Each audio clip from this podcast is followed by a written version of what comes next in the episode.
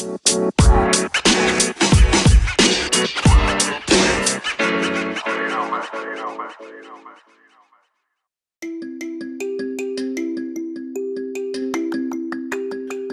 Assalamualaikum warahmatullahi wabarakatuh dan selamat sore buat para pembelajar di mana pun Anda berada di seluruh wilayah Nusantara. Menyapa Anda di udara di pukul 16 lewat 2 menit waktu Indonesia Tengah.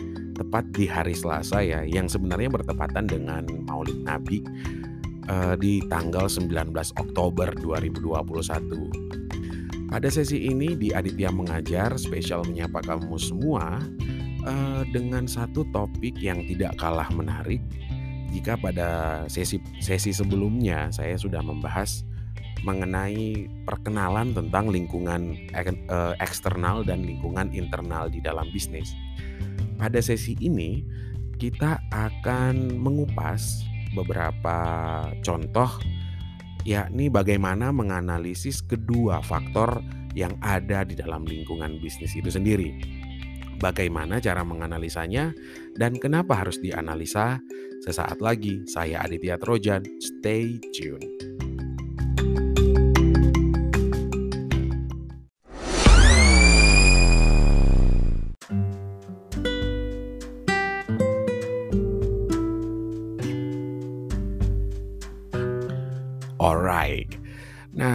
Pada sesi sebelumnya saya udah menjelaskan tentang uh, faktor internal dan eksternal di dalam bisnis.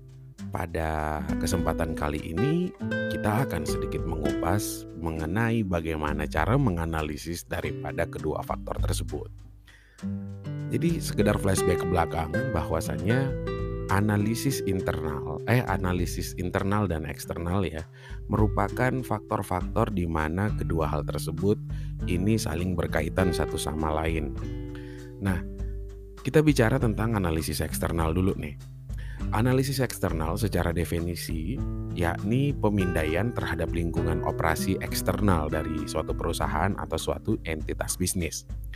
Tujuan daripada analisis eksternal adalah untuk mengidentifikasi peluang dan ancaman strategis di dalam lingkungan operasi perusahaan yang tentu saja berpotensi akan mempengaruhi keberlangsungan bisnis. Nah, di dalam manajemen strategi seperti ini, faktor untuk analisis uh, faktor eksternal dan uh, internal ya merupakan fase daripada proses perencanaan strategi sebenarnya yang di mana berfokus pada faktor-faktor seperti karakteristik pelanggan, organisasi, segmentasi pasar, bagaimana positioning atau strategi di dalam pem, uh, pemosisian, kemudian juga adanya pesaing dan lingkungan perusahaan. Lebih lanjut daripada hal itu, ketika kita bicara tentang faktor daripada uh, bisnis yang sifatnya adalah faktor eksternal, faktor eksternal ini adalah faktor yang sebenarnya boleh dikatakan adalah faktor yang sulit untuk dikendalikan atau di luar daripada kendali kendali kita. Berbeda dengan faktor internal.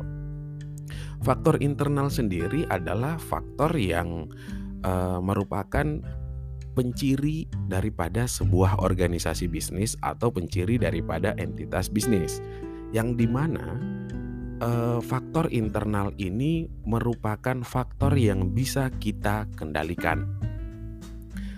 Nah, di lingkungan internal organisasi, kalau kita bicara tentang organisasi, secara definisi ya, organisasi ini kan adalah entitas sosial yang memiliki struktur hierarki di mana semua item yang diperlukan dan disatukan kemudian e, bertindak di dalamnya untuk mencapai tujuan secara kolektif organisasi bisnis yang lebih spesifik dan aktivitasnya tentu selalu dipengaruhi oleh lingkungan ini tadi.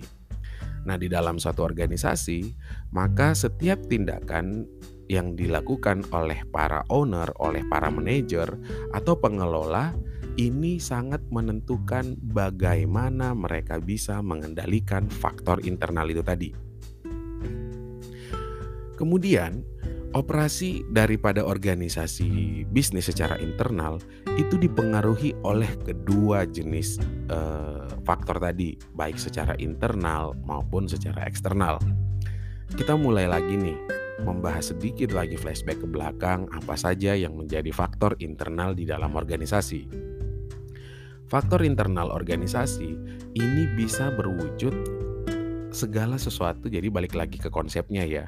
Segala sesuatu yang menjadi penciri daripada organisasi tersebut.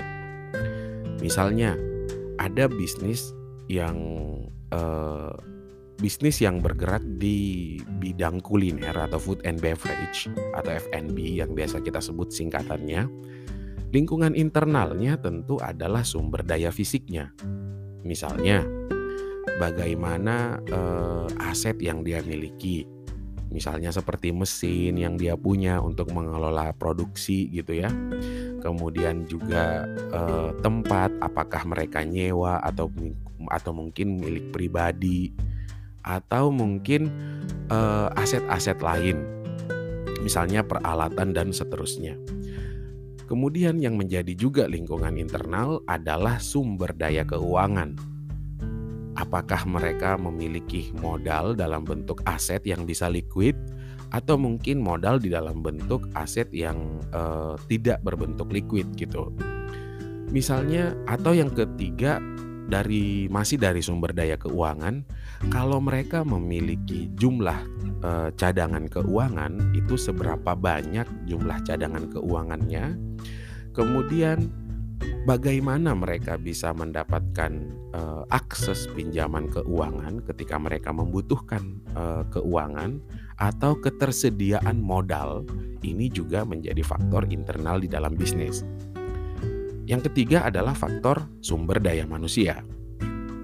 Ini yang menjadi kekuatan ya, ini yang menjadi kekuatan.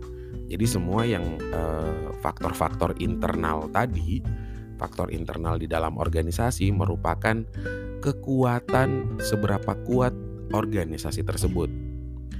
Jadi balik contohnya misalnya organisasinya bergerak di bidang food and beverage, misalnya dia menjual kekin eh, makanan atau minuman yang kekinian ya atau katakanlah mungkin seperti kafe atau eh, bisnis di warung kopi. Ketika kita bicara tentang sumber daya manusia, tentu ada dua hal yang menjadi eh, concern kita. Yang pertama adalah seberapa capable sumber daya manusia kita secara kualitas, yang kedua, seberapa banyak sumber daya manusia secara kuantitas. Ini juga menjadi faktor kelebihan dan kekuatan. Ketika dia mengalami kekurangan, ya tentu itu bisa menjadi kelemahan. Bisa jadi menjadi kelemahan atau mungkin bisa bahkan bisa menjadi ancaman. Nah, yang ketiga, eh, yang keempat, yang menjadi faktor internal salah satunya ya adalah sumber daya informasi. Apakah misalnya aspek knowledge sharing di dalam bisnis itu sendiri, aspek knowledge management di dalam bisnis itu sendiri, kemudian aspek tingkat penguasaan pengetahuan di dalam menjalankan bisnis itu sendiri. Ini juga menjadi faktor internal di dalam organisasi. Yang keempat adalah faktor sumber daya teknologi. Jadi misalnya bisnisnya bergerak di bidang food and beverage. Kemudian teknologi yang mereka gunakan apakah sudah memadai atau tidak? Teknologi dalam artian yang uh, kita bawa ke ranah yang mungkin lebih digital ya. Dalam akses misalnya uh, pemasaran yang dilakukan secara digital. Misalnya seorang pengusaha itu melakukan aktivitas pemasarannya untuk memperkenalkan produk dan memperkenalkan brand mereka, apakah mereka menggunakan akses sosial media atau tidak. Karena hal ini juga berhubungan dengan tingkat pengetahuan dan sumber daya informasi di dalam bisnis itu sendiri. Banyak bisnis yang berkembang justru bukan karena pembelian online, uh, bukan karena pembelian offline, melainkan pembelian online Hal ini kan ditunjang seberapa mampu mereka menyiapkan akses teknologi dan seberapa kapabel mereka bisa menjalankan teknologi tersebut dan seberapa mampukah mereka untuk menguasai praktek di dalam menjalankan uh, usaha mereka di balik teknologi tersebut. Yang kelima adalah niat baik organisasi. Jadi ada banyak konsep daripada konsep niat baik organisasi ya. Kalau dalam corporate mungkin namanya adalah CSR, niat baiknya. Kemudian kalau dalam usaha kecil mungkin eh, bagaimana upaya-upaya mereka untuk menjalankan bisnis secara proporsional dan profesional. Yang kelima ada namanya budaya perusahaan. Budayanya ya sangat banyak ya. Jadi kalau kita bicara budaya perusahaan ini cakupannya sebenarnya sangat luas. Apakah lingkungan perusahaannya, lingkungan bisnis tersebut kondusif, lingkungan bisnisnya memang dinamis atau lingkungan bisnisnya mungkin sedikit feodal dan seterusnya. Jadi ada banyak konsep sebenarnya di dalam ketika kita memaknai mengenai budaya organisasi. Nah, Jadi saya coba ulang contoh misalnya kita ambil satu case ada seorang pengusaha yang uh, bergerak di industri food and beverage. Katakanlah dia menjual minuman kekinian dengan menu makanan kekinian. Model bisnisnya menggunakan food truck. Jadi food truck itu uh, bisnis yang dilakukan di pinggir jalan. Jadi kayak macam ada van atau kayak ada truk gitu. Jadi jualannya kayak di atas mobil gitu. Namun, tidak semua orang yang menjual di pinggir jalan menggunakan mobil namanya food truck. Ya, ya lagi-lagi karena konsepnya truk gitu, truk. Berarti jualannya harus di atas truk dong. Jadi kalau dia pakai mobil biasa terus gelar dagangan itu bukan food truck namanya. Tapi ya masuk ke dalam bisnis kaki lima lebih tepatnya kaki lima lah semua ini. Cuman lebih modern lagi namanya food truck. Misalnya seperti itu ya konsepnya food truck. Sumber daya fisik. Jadi yang menjadi lingkungan internal bisnis mereka. Sumber daya fisik. Satu, apakah mereka memiliki mobil tersebut atau tidak? Yang kedua, mungkin apakah mereka punya sendiri atau nyewa? Yang ketiga, bisa jadi pertanyaannya adalah apakah mobilnya memang memadai atau sudah usang? Ini bisa menjadi kelebihan, kelemahan, peluang, dan ancaman. Yang kedua adalah sumber daya keuangan. Bagaimana mereka menentukan biaya operasional di dalam menjalankan bisnis mereka? Kemudian, kemampuan dan cash flow untuk mengatasi yang namanya biaya operasional. Yang ketiga adalah bagaimana cadangan keuangan mereka. Yang keempat, akses ketika mereka ingin mendapatkan suntikan anggaran. Jadi lagi-lagi ini bisa berbentuk peluang, ancaman, kelemahan dan kekuatan. Karena eh, masing-masing daripada bisnis itu memiliki meta peta kekuatan dan kelemahannya masing-masing. Yang ketiga, sumber daya manusia. Katakanlah mereka usahanya food truck, eh, minuman kekinian dan makanan kekinian misalnya burger ya burger atau kebab kemudian mereka menjual uh, minuman kekinian yang seperti mocha float pakai boba dan seterusnya green tea yang pakai boba dan seterusnya sumber daya manusia meliputi apakah orang-orang yang melakukan aktivitas penjualan itu capable kah atau tidak capable atau jumlah orang yang menjual pada bisnis tersebut secara kuantitas itu terpenuhi atau tidak. Mengapa demikian? Karena gini, ketika kelebihan orang yang banyak, maka tentu ada biaya yang cukup besar yang disiapkan oleh bisnis, utamanya adalah untuk menggaji karyawan, gitu kan. Bagaimana ketika pada kondisi tertentu bisnis tersebut uh, sedang tidak rame? Tentu ini menjadi masalah di dalam hal penggajian, atau mungkin dia kekurangan orang Kekurangan orang dalam arti mereka hanya menyiapkan satu sampai dua orang.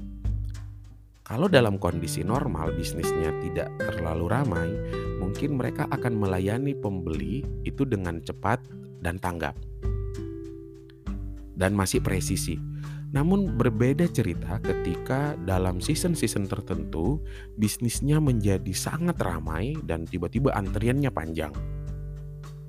Ketika jumlah tenaga kerjanya sedikit, maka yang terjadi adalah antrian daripada proses pemesanan ini menjadi panjang.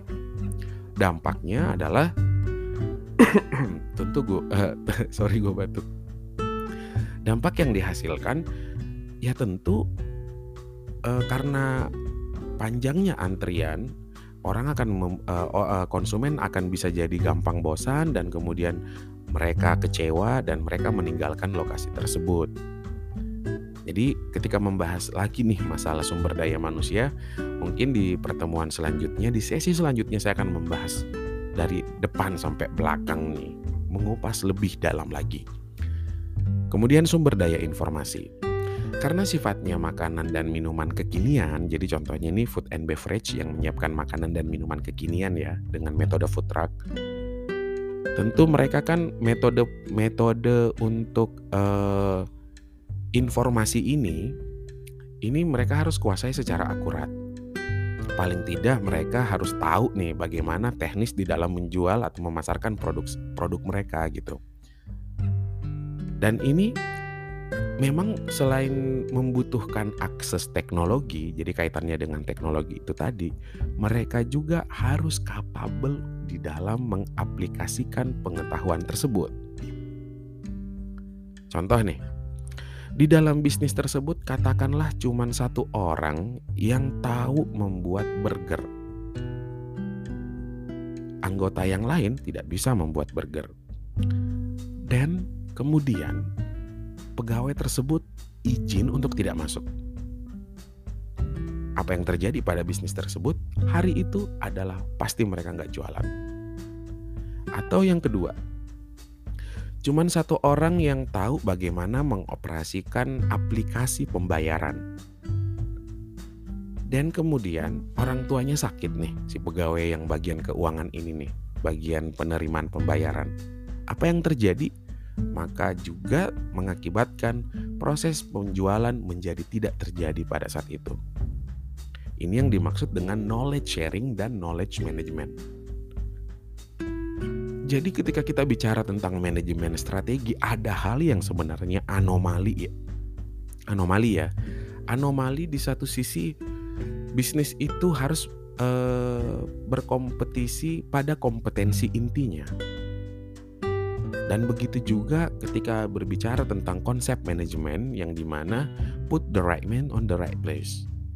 Yaitu menempatkan orang yang tepat di tempat yang tepat. Jadi kalau misalnya yang tahu cuma yang uh, si A cuma taunya bikin burger, bikin burger aja sampai dia expert bikin uh, bikin burger dan kemudian mereka tidak ada yang menggantikan, maka bisnisnya stop pada hari itu. Atau di sisi yang lain si B cuman tahu bikin minuman aja dan dia tidak pernah terjun untuk membuat burger. Yang terjadi kemudian ketika bisnisnya uh, si pegawai tersebut tidak masuk maka bisnisnya juga bam. Mereka juga tidak berjualan pada saat itu. Nah inilah yang dimaksud lingkungan internal organisasi Nah, bicara tentang knowledge management, di sinilah pentingnya bagaimana penyebar luasan informasi dan pengetahuan. Memang, si pembuat burger tidak dipaksa untuk juga menjadi expert ketika dia menangani membuat minuman gitu. Begitu juga sebaliknya. Seorang tenaga kerja yang uh, menjual uh, yang keahlian intinya menjadi seorang pembuat minuman juga tidak dituntut untuk menjadi expert di dalam membuat uh, membuat burger misalnya. Namun lagi-lagi sekedar tahu itu penting untuk menjadi tahu banget memang tidak menjadi keharusan gitu. Kenapa tujuan ada ada namanya knowledge management dan knowledge sharing di dalam internal organisasi? Ya tujuannya agar lini ini bisa digantikan oleh siapa saja karena situasi yang tidak terduga. Jadi uh, semoga ini mungkin dapat dipahami ya. Semoga terjadinya rolling dalam waktu cepat ketika situasinya tidak berubah. Kenapa? Karena ada hal yang tidak bisa kita kendalikan, yakni apa itu? Adalah faktor eksternal. Sometimes misalnya si pegawai lagi ada hajatan keluarganya dan dia nggak masuk, ya udah ketika knowledge management dan knowledge sharing udah terjadi ya siapa saja bisa menggantikan lininya gitu, bisa menggantikan line up mereka gitu yang sedang tidak bisa hadir pada saat itu. Nah, kita lanjut. Kemudian berbicara tentang uh, lingkungan eksternal. Nah, lingkungan eksternal ini ya itu tadi adalah lingkungan-lingkungan atau penciri yang secara universal berada di sekeliling lingkungan internal. Contohnya, situasi politik, demografi, sosial budaya, dan lingkungan. Kita bicara tentang contohnya nih, misalnya uh, tentang politik. Duh, dari dulu sampai sekarang batuk gua nggak hilang-hilang. Tentu berbeda ketika seseorang ingin melakukan aktivitas bisnis di wilayah atau uh, area bahkan negara dengan politik situasi politik yang bebas, aktif dan di negara-negara yang situasi politiknya mencekam misalnya atau bahkan dikendalikan secara penuh oleh pemerintah. Karena ini aduh karena ini adalah situasi yang tidak bisa dikendalikan. Oleh sebab itu, yang dikendalikan adalah yang internalnya saja, atau mungkin misalnya faktor demografi. E, misalnya bicara tentang demografi nih, contoh, kenapa our daily dose atau penjual sepatu yang kekinian menurut anak-anak muda yang ada di Instagram atau hoops point yang ada di Instagram juga itu tidak semua daerah ada. Setahu saya mungkin mereka menjalankan aktivitasnya di kota besar aja nih.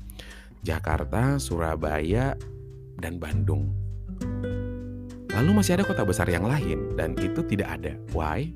Karena bisa jadi persoalan demografi yang berbeda, sosial budaya terlebih ya, persoalan sosial budaya misalnya uh, sosial misalnya contoh faktor-faktor sosial budaya nih. Di Indonesia kalau kita nonton film-film Hollywood ya uh, khususnya bagi bangsa uh, Afro uh, atau Negro mereka itu kayaknya matching aja. Sangat cocok ketika mereka menggunakan pakaian atasannya warna merah, celananya warna hijau, sepatunya warna biru, topinya warna putih. Ya matching aja. Dan kayaknya keren aja gitu kelihatan kayak gaya-gaya rapper ya, gaya rapper atau gaya para hip hop itu kayak keren.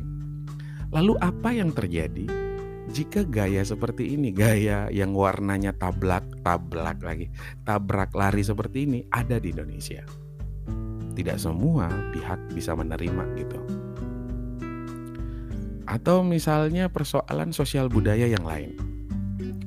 Kalau Anda e, pernah atau berkeinginan untuk pergi umroh, pernah umroh atau berkeinginan untuk umroh, semua pakaian yang dijual di Mekah dan pakaian yang ada di Jeddah itu berbeda. Kalau di Mekah itu saya cuma ngelihat dua warna gitu loh, hitam dan putih di Jeddah juga warnanya uh, sedikit beragam, namun modelnya juga hampir sama. Modelnya itu tertutup rapi gitu.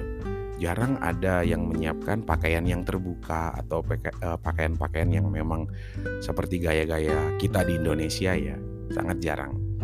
Ya karena pengaruh sosial budaya gitu. Yang ketiga adalah lingkungan secara keseluruhan.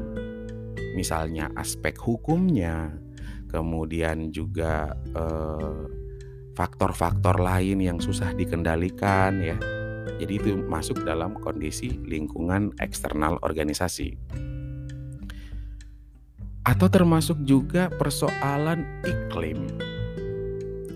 Kalau kita lihat uh, pakaian di jadi uh, kayak misalnya seperti macam kayak Planet Surf ya atau mungkin merek-merek uh, yang yang skatewear gitu mereka menerbitkan pakaian atau membuat pakaian itu berdasarkan season atau musim. Apakah winter atau snow dan seterusnya atau summer gitu. Nah, di negara-negara yang empat iklim, tentu pakaian yang mereka jual ini berdasarkan iklim-iklim tersebut. Nah, berbeda dengan kita orang Indonesia yang cuman mengenal dua iklim. Yang satu musim panas, yang kedua musim penghujan gitu tidak ada musim semi, tidak ada tidak ada spring, tidak ada snow gitu ya. Nah, tentu apa yang dijual tentu juga berbeda. Jadi lagi-lagi berbicara tentang socio culture dan persoalan natural physical environment.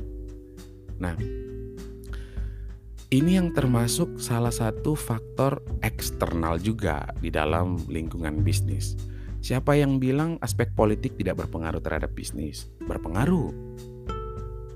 Siapa yang bilang ke, uh, keberadaan wanita tidak berpengaruh terhadap bisnis? Tentu berpengaruh. Di Indonesia, uh, khususnya sekarang ya, jadi saya membandingkan zaman dulu ketika saya masuk ke mall dengan zaman sekarang saya masuk ke mall. Jadi di zaman dulu itu uh, mencari pakaian muslim yang ada di mall itu cuman di stand-stand kecil aja. Stand kecil atau bahkan uh, tidak banyak uh, gantungan baju atau mungkin stand yang menyiapkan pakaian yang tertutup gitu. Namun karena uh, tren daripada Islam di mana perempuan menggunakan hijab, pakaian tertutup, aturan bahkan aturan di sekolah tidak mengizinkan lagi uh, perempuan mengenakan rok di atas lutut dan uh, pakaian yang tidak boleh uh, terlalu ketat sehingga ini faktor eksternal yang dibuat oleh sekolah ini dan beragam ya di dalam pemerintah dan budaya kita akhirnya membuat tren baru di dalam bisnis lagi nih. Perempuan pun kini dengan mudah untuk bisa menemukan baju terusan bisa jadi bahkan hari ini mencari baju tank top itu mungkin susah gitu. Jadi berkebalikan. Kalau di zaman dulu sangat sulit mencari uh, baju terusan.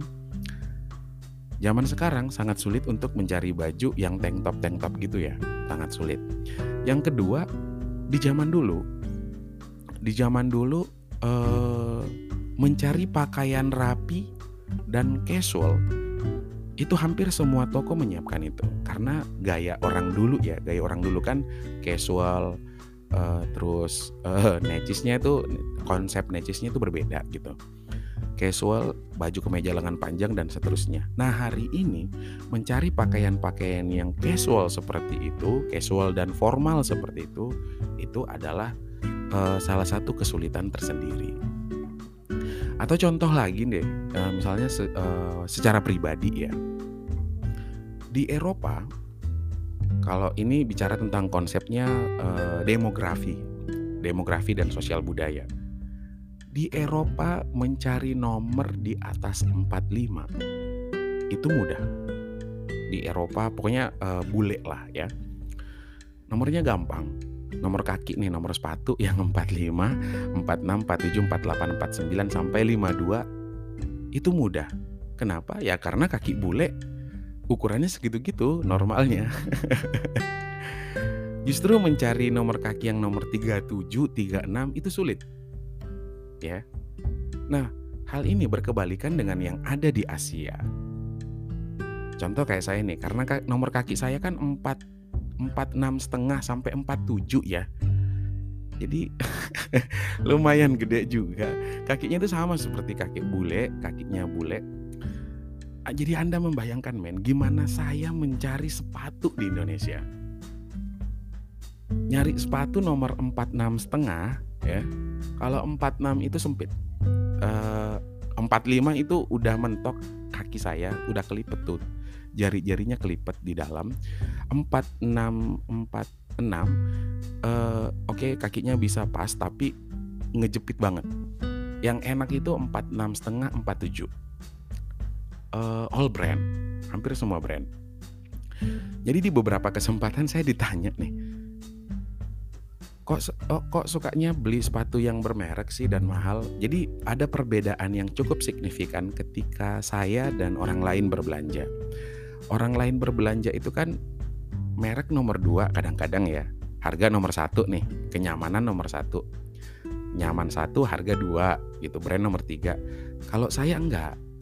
Jadi kalau orang lain datang datang uh, ke toko itu dengan enak lihat model yang mana dia suka terus nanya mas ada nggak nomor 41 gua enggak saya itu kalau datang ke Planet Surf yang ada di mall, eh Planet Surf, Planet Station yang ada di mall, atau Sport Station yang ada di mall, atau mungkin toko-toko misalnya Skechers, atau di, di Nike atau mungkin Adidas, yang saya tanya itu bukan modelnya dulu. Jadi suatu jajar rak ini yang gue nanya, mana nih di sini yang ada nomor 46-nya? Atau 47-nya ada? Jadi mungkin di antara puluhan model, mungkin ini pak cuman satu ya udah ini aja jadi gue nggak ada pilihan men jadi bukan berdasarkan harga tetapi berdasarkan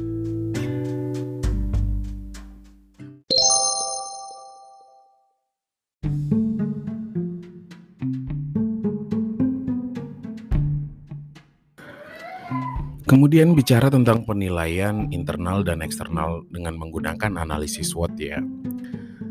Karena ini sangat penting mengingat penilaian internal dan eksternal seperti yang sudah kita bahas sebelumnya merupakan suatu alat daripada manajemen yang sebenarnya basic banget dan dasar ya. Yang digunakan tidak hanya dalam perencanaan strategis, tapi juga dalam pengembangan kebijakan dan penyelesaian masalah. Alat ini memberikan penilaian mendasar bagi organisasi. Nah, Proses dalam melakukan penilaian di dalam menggunakan analisis SWOT sering sering juga disebut sebagai uh, analisis mengenai peta kekuatan, kelemahan, peluang dan ancaman. Karena mencakup mengenai penilaian serta peninjauan ulang terhadap suatu kekuatan dan kelemahan itu tadi ya. Dan kesempatan daripada bisnis serta ancaman yang akan terjadi di masa yang akan datang. Kemudian bicara tentang penilaian internal yang juga kadang disebut sebagai situation inventory. Tujuannya adalah untuk mengidentifikasi kekuatan dan kelemahan organisasi. Jadi di dalam menempatkan uh, kekuatan dan kelemahan yang menjadi instrumen di dalam analisis SWOT adalah penilaian atau faktor-faktor internal. Karena tujuannya untuk mengidentifikasi kekuatan dan kelemahan, serta mengevaluasi kapasitas atau kemampuan di dalam menghadapi isu-isu masalah dan kesempatan, serta penilaian internal dari organisasi ini dapat dilakukan. Nah, eh, penilaian internal organisasi langkah-langkahnya di dalam penyusunan analisis SWOT ya ada tiga langkah ada tiga langkah besar. Yang pertama, di dalam melaksanakan penilaian internal dari analisis uh, SWOT adalah dengan cara mengetahui bagaimana uh, kinerja daripada organisasi telah tercapai atau sedang dilakukan. Yang kedua, langkah berikutnya adalah mengetahui status sekarang daripada kinerja organisasi. Yang ketiga di langkah terakhirnya adalah mencari hal-hal yang perlu ditingkatkan termasuk eh, hal-hal uh, yang perlu dioptimalkan untuk mengoptimalkan kembali kekuatan tadi nih, kekuatan dan uh, peluang tadi. Sedangkan di faktor eksternal, setelah kita melakukan analisis kekuatan dan kelemahan organisasi, proses serupa juga dapat diikuti untuk menentukan ancaman dan kesempatan yang dihadapi oleh organisasi publik. Juga sama langkah-langkahnya, penilaian internal eh penilaian eksternal yang kadang juga disebut sebagai environmental scan ini mengidentifikasi kesempatan dan ancaman jadi penempatan instrumen eh, kesempatan dan ancaman itu diambil daripada faktor eksternal daripada perusahaan. Jadi ada beberapa langkah. Yang pertama langkahnya adalah melakukan penilaian eksternal dulu nih untuk penganalisis lingkungan bisnis kita. Langkah berikutnya adalah melihat atau meramalkan apa yang mungkin terjadi atau yang berubah di dalam lingkungan organisasi di masa yang akan datang. Nah, dengan pemahaman yang teliti mengenai faktor eksternal dan internal serta komprehensif dan menyeluruh mengenai faktor tersebut, maka organisasi akan berada dalam posisi yang unggul untuk menghadapi dan menanggapi berbagai macam perubahan lingkungan. Contohnya kayak gini. Bagaimana membuat analisis SWOT? Apakah SWOT itu hanya untuk corporate atau untuk uh, bisnis-bisnis skala kecil? Sebenarnya SWOT itu bisa diaplikasikan di dalam kehidupan sehari-hari. Contohnya misalnya uh, misalnya gua ya. Karena nomor kaki saya yang gede ya. nomor kakinya gede, jadi gedenya gue ulang lagi antara 46 setengah sampai di 47. Jadi nomor kakinya itu uh, nomor kaki yang tidak Indonesia banget lah. Yang menjadi kekuatannya adalah saya mampu membelinya. Yang menjadi kelemahannya, kelemahannya harganya mahal.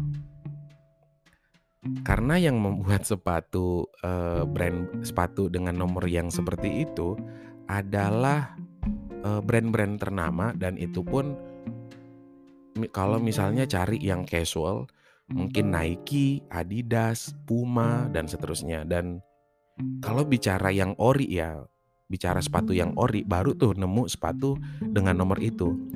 Sedangkan kalau nyari yang uh, brand-brand itu tapi yang buatan KW atau mungkin uh, copycat atau tiruan itu tidak mungkin dapet tuh nomor yang 46 46 setengah sampai 47 tuh nggak mungkin dapat Kekuatannya adalah saya mampu membeli.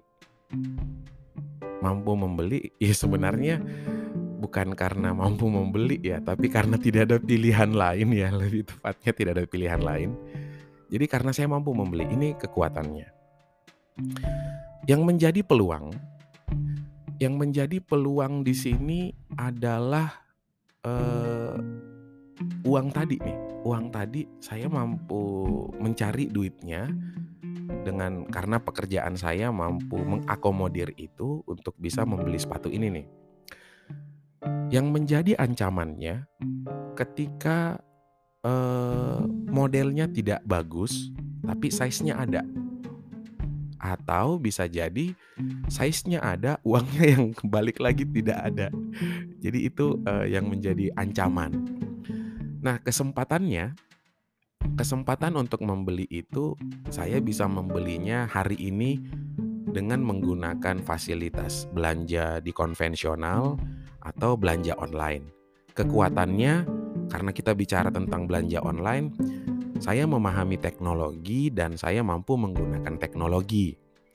Yang menjadi uh, ancaman terbesar karena barangnya kalau bicara tentang belanja online, tentu saya tidak bisa mengetahui apakah sepatunya uh, size-nya real atau mungkin kekecilan sedikit atau mungkin kegedean sedikit nih karena beda merek, beda size ya kendati pun misalnya sama-sama bicara 45 46 ya.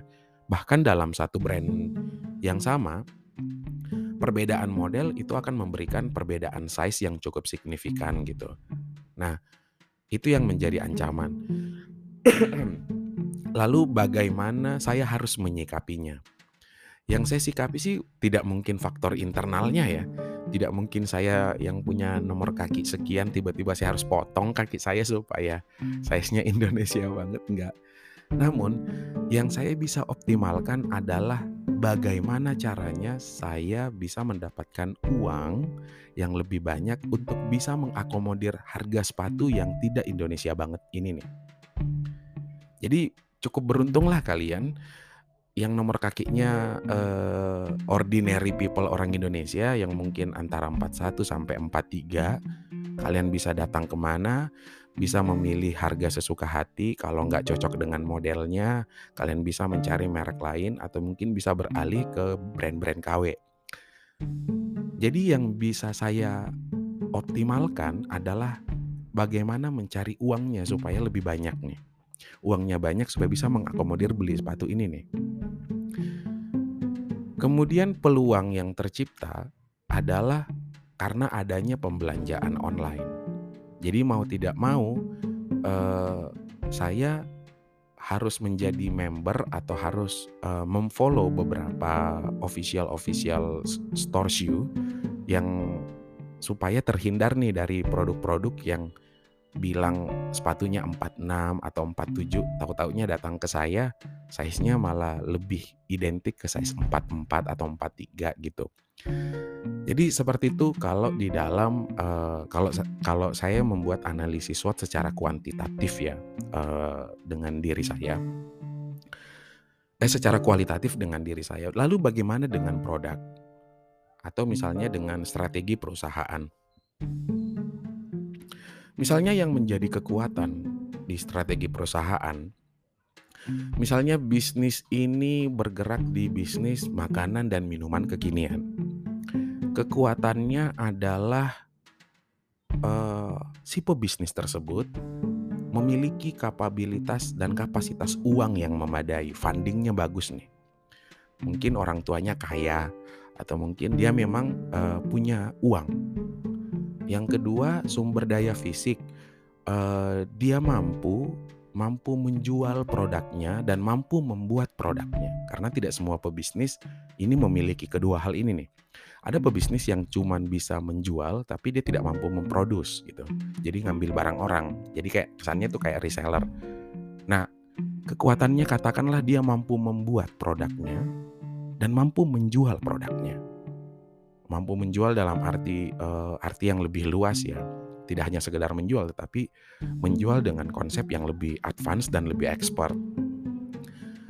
Kemudian yang menjadi peluang lainnya yang itu tadi kekuatan ya. Yang menjadi uh, peluangnya karena tidak banyak yang membuat usaha seperti dia. Atau kalaupun ada kompetitornya seperti dia, uh, dia masih ada di baris paling atas nih karena kompetitor-kompetitor yang lain anggaplah mereka semuanya adalah uh, reseller atau uh, tidak tahu membuat sehingga mengambil produk dari orang kemudian dijual kembali. Kemudian yang menjadi ancaman adalah faktor eksternal. Misalnya karena dia menjualan food truck, yang menjadi ancamannya uh, adalah bagaimana kalau hujan. Kalau hujan ya otomatis orang tidak singgah nih, orang tidak singgah mengantri karena food truck itu kan uh, kayak seperti drive thru gitu ya, terus dinikmati di pinggir jalan atau mungkin dinikmati di atas motor gitu ya, atau mungkin take away lah sistemnya. Nah karena jualannya food truck, maka ketika di musim-musim tertentu, katakanlah musim hujan, maka mereka harus siap-siap uh, untuk untuk uh, kekurangan pembeli. Nah itu ancamannya. Namun kelemahannya apa? Kelemahannya karena food truck otomatis tidak semua orang bisa menikmati makan di tempat dan tidak semua konsumen dia harus fair bahwa tidak semua konsumen uh, senang senang makan di food truck gitu. Jadi mereka dikhususkan bagi orang-orang yang memang take away atau pengen makan di atas mobil mereka. Lalu bagaimana dengan orang-orang yang uh, mungkin pejalan kaki atau mungkin tidak punya kendaraan gitu dan pengen hangout atau pengen nongki karena di sana tidak punya meja, tidak ada kursi, berarti mereka uh, tidak datang untuk menikmati hal tersebut. Namun yang perlu dioptimalkan adalah kelemahan dan ancaman ini tadi nih. Kalau musim hujan, apa yang mereka harus lakukan? Yang mereka harus lakukan bisa jadi menempuh misalnya menggunakan penjualan-penjualan uh, berbasis digital. Misalnya menjual itu di Gojek atau menjual itu di GrabFood atau mungkin di Shopee Food ya. Lalu pertanyaannya adalah mau tidak mau itu itu menjadi peluang mereka di balik ancaman ya. Tapi mau tidak mau mereka harus menyiapkan lini baru nih pembayaran misalnya menggunakan OVO Pay, GoPay atau bahkan Shopee Pay. Jadi harus kudu paham teknologi lagi ceritanya. Harus menyiapkan teknologi lagi jadi mereka tidak hanya sekedar uh, menyiapkan uang untuk menyiapkan alat dan bahan dan membuat produk mereka, tetapi mereka juga harus spend money, harus mengeluarkan uang untuk menyiapkan fasilitas ini lagi nih berbasis teknologi. Jadi mungkin mau tidak mau mereka menyiapkan satu admin lagi, admin tambahan untuk menghandle order-order yang datang dari yang datang menggunakan uh, online food gitu programnya. Lalu bicara tentang apa yang harus dioptimalkan. Yang harus dioptimalkan adalah mereka karena budgetnya mungkin terbatas, kendati pun e, namanya bisnis kan pengen cari untung ya, jadi harga pokok produksinya diupayakan lebih kecil, keuntungannya jauh lebih besar.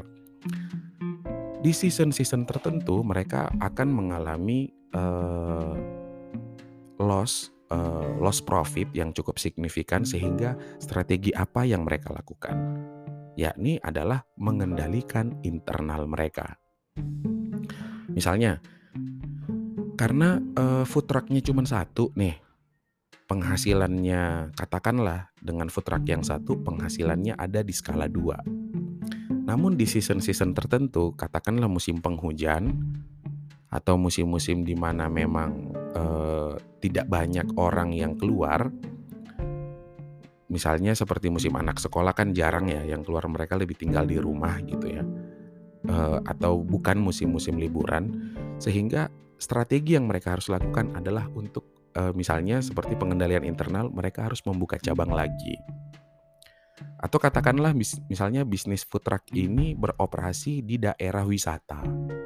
Berarti kalau bukan musim liburan mereka akan kehilangan kehilangan profit. Nah oleh sebab itu mau tidak mau mereka harus membuka cabang lagi nih di tempat yang lain untuk mengantisipasi season yang bukan holiday gitu loh. Nah, mungkin itu yang cukup saya ingin sampaikan kepada para pembelajar sekalian di mana pun Anda berada. Semoga pemahaman, ah semoga pemahaman, semoga penjelasan yang saya sampaikan itu dapat uh, mudah dipahami. Jadi lagi-lagi kalau kita bicara tentang analisis SWOT, sebenarnya Analisis SWOT ini tidak hanya cukup sekedar dijabarkan, namun SWOT itu kan identik dengan praktek sebenarnya ya. Jadi memang dibutuhkan uh, pemahaman tingkat lanjut, referensi tingkat lanjut agar kalian mampu uh, mencerna materi yang saya sampaikan pada sesi kali ini. Nah, sebelum saya lupa nih, aduh gue lupa. Sorry gue batuk. Mungkin banyak yang tidak mengetahui sebenarnya uh, filosofi daripada analisis SWOT itu tadi. Kalau tadi kan kita udah bicara tentang kelebihan dan kelemahan ya, jadi gue pengen bahas sedikit nih sebelum gue tutup ya. Analisis SWOT ini sebenarnya teknik yang digunakan untuk menentukan dan mendefinisikan kekuatan, kelemahan, dan ancaman. Nah, Sedangkan dalam bahasa lain, SWOT ini berarti singkatan strengths atau kekuatan, weaknesses atau kelemahan, opportunity atau uh, peluang dan threat atau ancaman. Ini lagi-lagi adalah analisis yang populer bagi banyak bisnis tidak peduli skala mereka terlebih pada usaha yang sebenarnya basic yang masih dirintis gitu loh. Namun Berbicara tentang, uh, analisis SWOT ini, kendati pun dia analisis yang begitu populer, ada kelebihan dan kelemahannya sebenarnya. Kelebihan dan kelemahannya adalah saya akan jelaskan sesaat lagi. Jadi biar ada segmen aja lah.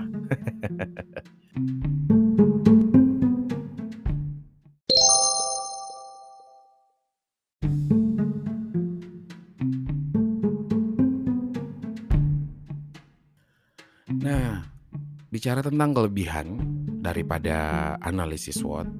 Jadi kelebihannya analisis SWOT ini yang pertama adalah dengan analisis SWOT Anda akan memahami bisnis yang sedang dilakukan dengan lebih baik.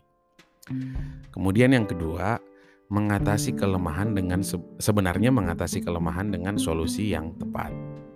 Yang ketiga, karena mengetahui kelebihan kelemahan juga bisa berpeluang untuk mencegah kemungkinan adanya ancaman gini nih.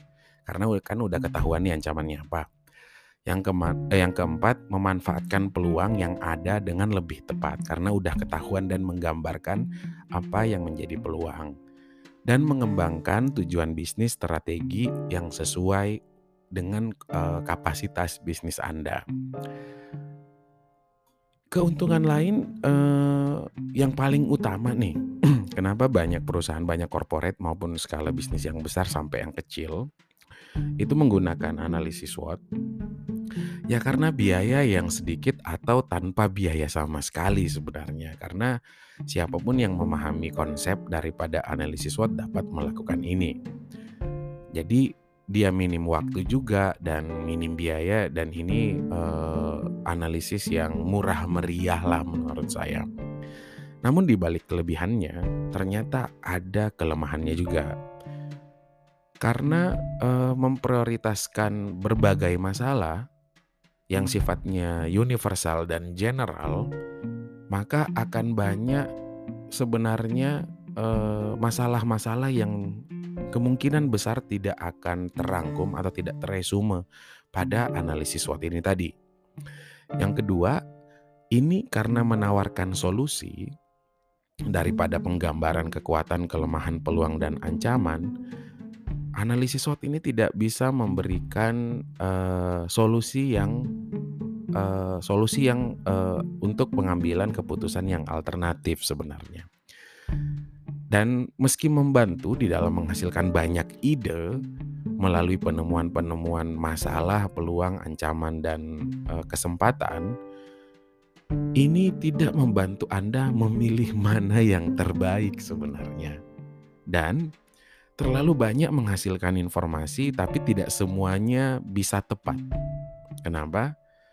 Apalagi dijalankan dengan uh, tidak memahami filosofi daripada SWOT ini tadi nih, maka solusinya tidak solutif banget, tidak memberikan keputusan alternatif, dan bisa jadi tidak berguna sebenarnya kalau Anda tidak memahami ini.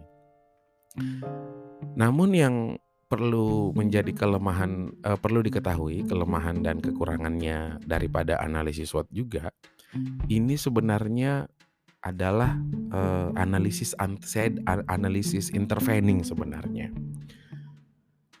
Artinya apa? Analisis SWOT ini bisa digunakan setelah kalian atau para pembelajar mengetahui secara persis bagaimana kinerja yang telah tercapai jadi ada antecedennya lagi. Kemudian karena dia intervening, uh, analisis intervening, maka dibutuhkan analisis-analisis tambahan yang mungkin sifatnya kualitatif atau mungkin pendekatannya kuantitatif untuk mengukur analisis SWOT ini lagi nih menjadi lebih tepat guna.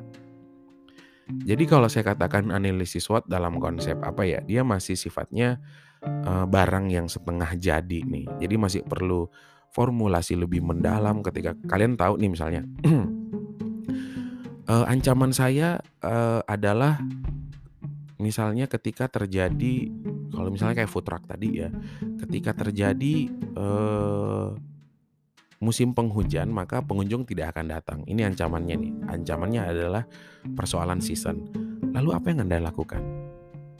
Yang Anda lakukan adalah tentunya memperbesar uh, kekuatan Anda ya. Namun hanya sekedar membuat konsep ini, menggambar model ini, ini tidak akan berhasil gitu tanpa perlu pendalaman-pendalaman secara kualitatif yang lebih mendetail lagi gitu kan. Oleh sebab itu uh, memahami analisis yang lain juga penting. Jadi bukan hanya analisis SWOT saja sih sebenarnya yang bisa dipakai uh, untuk uh, menilai faktor internal dan eksternal. Kendati pun SWOT ini yang begitu populer juga ada IFAS, ada EVAS, ada fusi logik mungkin bisa jadi atau mungkin pakai text mining atau mungkin pakai uh, analisis dengan pendek uh, pendekatan fenomenologi, uh, etnografi mungkin kalau secara kualitatif atau melihat uh, hasil analisis SWOT ini dengan pendekatan positivisme mungkin ini bagi para pembelajar ya kalau mungkin kalian bingung ini bahasa apa yang dikeluarkan oleh si Adit. Ini adalah bahasa-bahasa yang atau istilah yang biasa kita gunakan di dalam metode penelitian. Nah, sekian yang ingin saya sampaikan kepada para pembelajar sekalian di mana pun Anda berada. Semoga apa yang saya kupas, meskipun tidak dalam banget, ini bisa memberikan pemahaman uh, secara definisi ya mengenai bagaimana menganalisa faktor kekuatan eksternal dan internal di dalam organisasi. Selanjutnya kita akan ketemu di kesempatan yang berikutnya. Saya Aditya Trojan. Goodbye.